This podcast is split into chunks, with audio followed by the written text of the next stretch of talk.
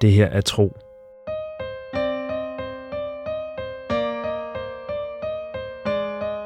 En eventyrlig podcast-fortælling i 55 afsnit.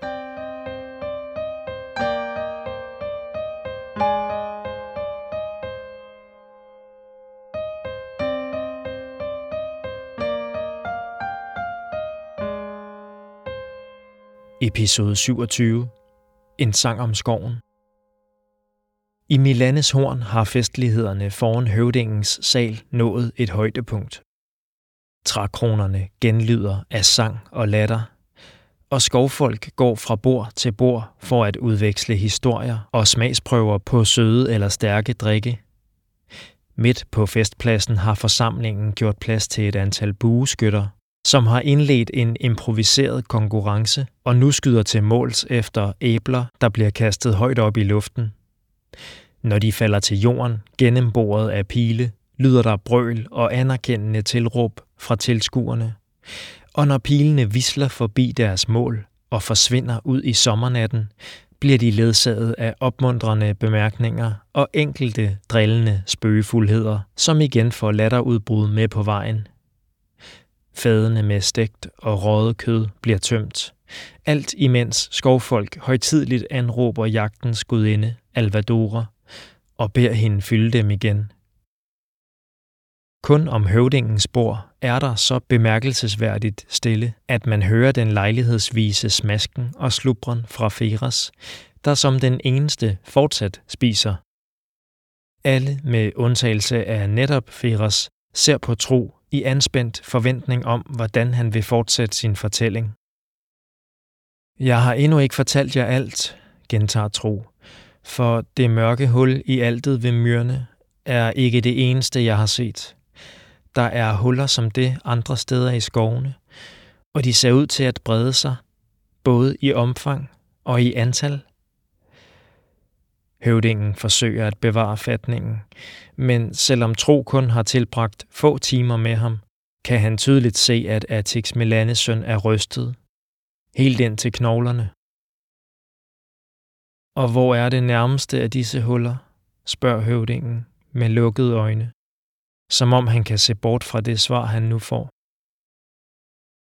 Få dagsrejser herfra, et sted i skovene, siger Tro.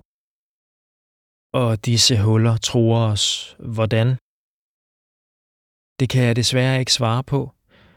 Ej heller om mørket har forbindelse til de forsvundne dyr, for jeg ved ikke, hvad dette mørke består af, eller hvorfra det kommer. Kaum. Firas sender et intenst blik rundt om høvdingens bord. Skovdrengen Famur gyser i en blanding af skræk og frydefuld spænding for hans øjne er store og følger opmærksomt med i hvert eneste ord, samtidig med at han rykker sig så nær sin storebror, at Bjørn irriteret må holde ham på afstand med en arm, for ikke at falde ned af stolen. Atix Melanesøn ser uforstående på Firas. Ka Kaum? Kaum, gentager Firas, øjnene endnu større. I har ikke hørt om Kaum? Det overrasker mig ikke.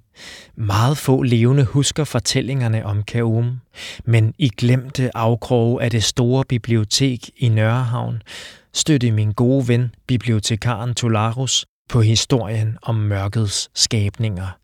Lad mig se, hvordan var det nu? Feras foregiver at lede efter beretningen om Tolarus og hans opdagelser i erindringen, men tro kan se på Feras, hvor meget den omrejsende nyder dette øjeblik, hvor alles øjne er rettet mod ham i forventning om, hvad han vil fortælle. Den lille mand retter på sin spidse hat og tørrer sig omhyggeligt om munden, før han fortsætter med fortællingen om Tolarus, biblioteket, storrådet blandt alle verdens folkeslag og den fælles fjende, de var samlet for at fordrive. Da han endelig kommer i gang, fortæller Feras uden ophold og nærmest ordret den samme historie, som Tro har hørt to gange før. Ganske vist med små ændringer her og der, men Tro hæfter sig ikke så meget ved farven på den gamle bog, bibliotekaren finder på de støvede hylder, eller om Tolarus lider af støvallergi, en lungesygdom, eller er blevet forbandet med en tilbøjelighed til at nyse i nærheden af gamle skrifter af en skillåret troldmand fra Måneøerne. I stedet forestiller han sig, mens han lytter til Feras fortælling, de drømmesyn, han fik hos de ensomme søskende. Endnu en gang ser han mørket sive ud af træer, løbe ned ad bakkesider og stige op fra jorden som dis på en sommermorgen. Han ser det brede sig, mens folk og dyr flygter fra det. Men hvor kan man flygte hen, hvis mørket er alle steder? Og hvordan løber man fra noget, der allerede er der, hvor man er på vej hen? Da Feras omtaler Tix Raftur den legendariske skovmand, der var sit folks bedste bueskytte, bemærker Tro, at høvdingen kniber øjnene vurderende sammen. Og slettedrengen husker, at Atex Melanesøn netop er opkaldt efter denne sit folks store held. Men herudover ser fortællingen ikke ud til at gøre det store indtryk på høvdingen. Og da Feras når til slutningen, hvor han, ligesom i Tros landsby, må erkende, at historien ikke melder noget om, hvordan det skulle have lykkedes for verdens folkeslag at fordrive deres fælles fjende, lyder der et hånligt udbrud fra Atex Melanesøn. Feras kigger spørgende på ham. Skrøner. Opspind. Historier fortalt af stammeældste, der vil jage en skræk i livet på uvidende børn. Firas sender ham et såret blik. Bevares, hvis høvdingen ikke bryder sig om historien, men det var nu sådan, den stod at læse i de gamle skrifter i det store bibliotek. Så må bogen være blevet anbragt fejlagtigt under historiske vidnesbyrd, når den retteligt hører hjemme i afdelingen for gamle skrøner. Vi i skovene er fuldt ud klar over vores historie og den fortæller ganske rigtigt om bueskytten Tix Raftur, der var velsignet af Alvadora selv og håndterede sit våben med samme færdighed som guden. Vores skove er beboet af mange forskellige væsener, og nogle er både mystiske og i stand til at gøre folk fortræd, hvis man ikke passer på. Men disse kan om Høvdingen tager ordet i sin mund, som var det et besk urteafkog, man kun smager på for at komme af med en svær forkølelse. Disse mørkets væsner melder vores historie intet om. Du kan spørge de ældste blandt os, og ingen vil kunne fortælle dig mere om dine opdigtede uhyre, for de er netop det, opdigtede, og ikke en del af denne verden. Det er til gengæld den fare, vi nu står overfor. De voldsomme angreb på vores skove, som har nedkaldt gudernes vrede over os og sendt dyrene på flugt. Hvis tro kan se gudernes kraft med sine særlige evner, må de huller, han har opdaget i kraften, være udtryk for netop dette. Guderne har i deres vrede og fortvivlelse over de utilgivelige handlinger fra byernes folk trukket deres velsignelse af skovene tilbage og jo mere skovranerne har held til at fjerne, desto større bliver gudernes vrede. Rundt om bordet ses bekymrede miner. Men tro fornemmer også en tillid til deres høvding, som virker urokkelig i sin overbevisning. Atex Melanesøn gør tegn til Casu Virgio, som hele tiden har holdt sig i nærheden af sin høvding og aldrig har sluppet ham længe af syne. I må have os undskyldt. Vi må straks foretage de nødvendige forholdsregler. Nori og Ratex, siger han. Det sidste henvendt til fru Eren. Nu husker tro hendes navn. Ratex Vidun. Vil I ledsage os? Både jagt- og forrådsmesteren rejser sig sammen med høvdingen og hans hustru og forlader bordet. Birn vil overtage mine forpligtelser som selskabets vært, siger høvdingen inden han med et let nik til Tro og Feras forsvinder ind i dødens hytte, flankeret af sin hustru, Caso Virgio og sine to øverstbefalende.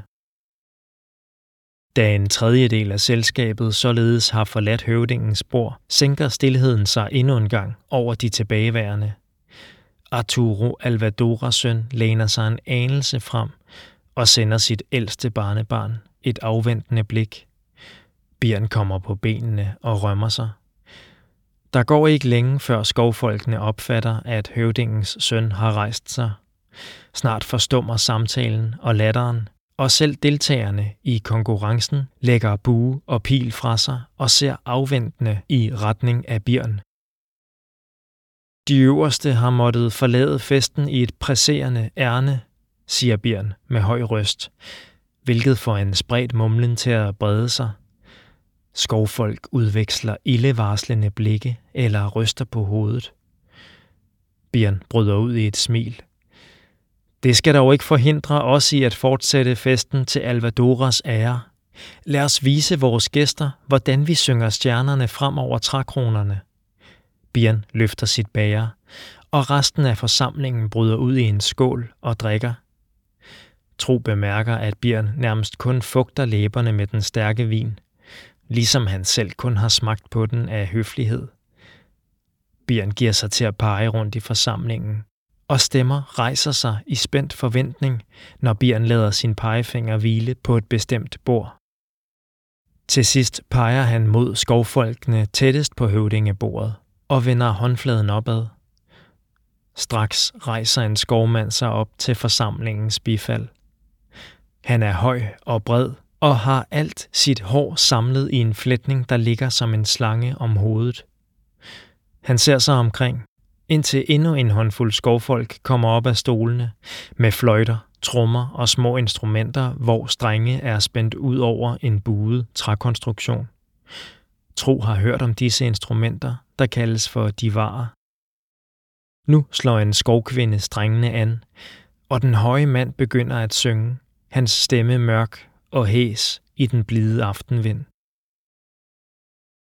I skovene, hvor verden ender, med træer skabt af guders hænder, hvor kæmpe en lever og vokser, og buske skjuler de vilde okser, der så jeg engang en by så skøn.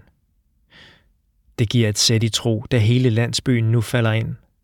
For aldrig jeg så en by så skøn. Den høje skovmand peger rundt, indtil han træffer sit valg og udpeger sit nabobord. Det tager ikke folkene om mange øjeblikke at afgøre, hvem der skal tage udfordringen op. En kvinde rejser sig og synger med lys og ren stemme. Måske du bor i bjerg og bakke, og ingen guddom har at takke, men vi er børn af skovens guder, og lever, som de os bebuder. Vi har vort hjem i byen så skøn. Igen samler byens stemmer sig til et kor. For aldrig så jeg en by så skøn.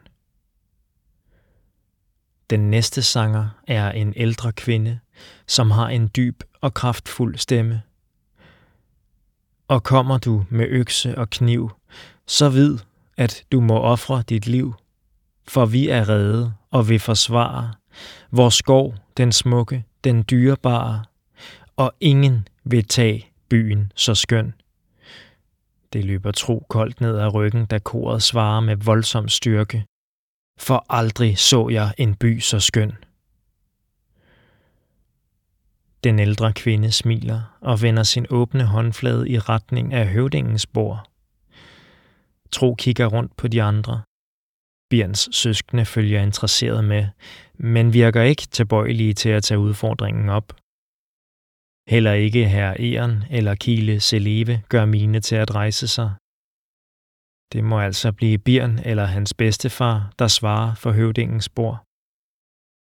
Arturo Alvadoras der har sunget energisk med og har set ud til at nyde sangen, nikker til Bjørn, som får at opmuntre ham, og Bjørns brystkasse hæver sig i en dyb vejrtrækning.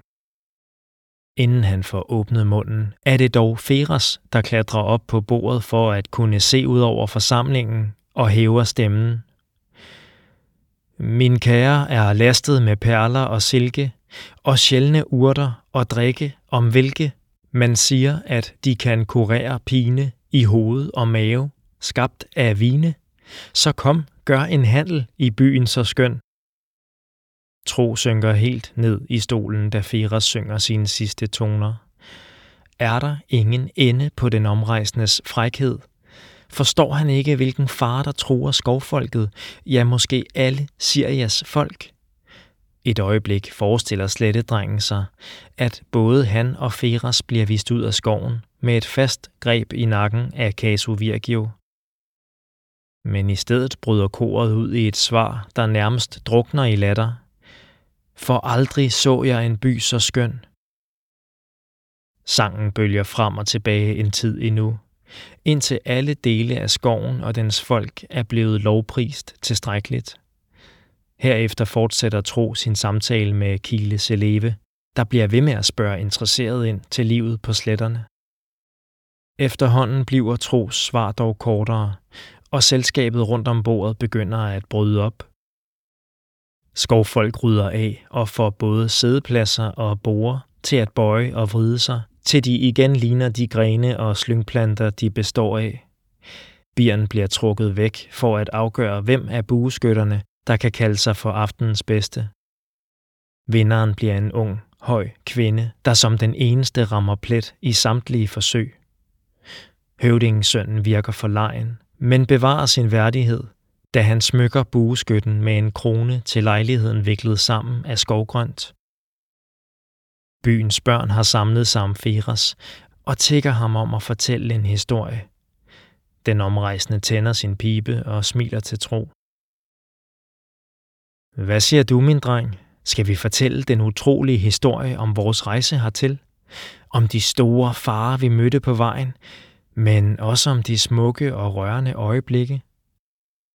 Men er der noget, tro ikke har lyst til lige nu, er det at høre på flere af Feras historier. Faktisk har han slet ikke lyst til noget. Dagen har allerede budt på alt for mange oplevelser, kan han pludselig mærke. Så han undskylder sig med en bemærkning om, at han må se at komme tilbage til sin hytte, inden det bliver for mørkt til at finde vej. Bjørn tilbyder at ledsage ham, men Tro ved, at høvdingens søn forventes at være til festen. Han afslår tilbuddet, og finder faktisk vejen tilbage til sit soveleje, uden at fare vild eller føle sig i fare for at styre det ned. Da han lægger sig, hører han Firas ord for sig. Bare tanken om, hvor langt ned der er, kan få dig til at ligge vågen den halve nat. Det føles som en evighed siden de talte om at sove i skovfolkets landsby. Og alligevel er det kun, han tæller på hænderne i det begyndende mørke. 12 dage siden, og kun 10 dage siden, at han sidst så sine forældre og bedstefar. Tanken om dem giver ham tårer i øjnene. Heldigvis får Firas ikke ret. Søvnen kommer let til ham, og da han først giver sig hen, styrer drømmene ham igennem natten. Han vender og drejer sig ikke med tanker om at falde skrigende ned fra træerne. Alligevel vågner han med en knude af angst i brystet og gispende åndedræt. Sådan ligger han længe i morgens første lys, indtil han får styr på hjerte og vejrtrækning. Men stadig galopperer tankerne rundt i hans hoved i et forsøg på at forstå de frygtelige syn, hans drømme har vist ham. Sådan slutter denne episode af Tro Se et kort over alle byerne i fortællingen på tropodcast.dk. Her kan du også se Christian Funders flotte illustrationer. Tro er skrevet, indtalt og produceret af mig. Jeg hedder Mikkel Prytz, og jeg håber, du vil lytte med næste gang.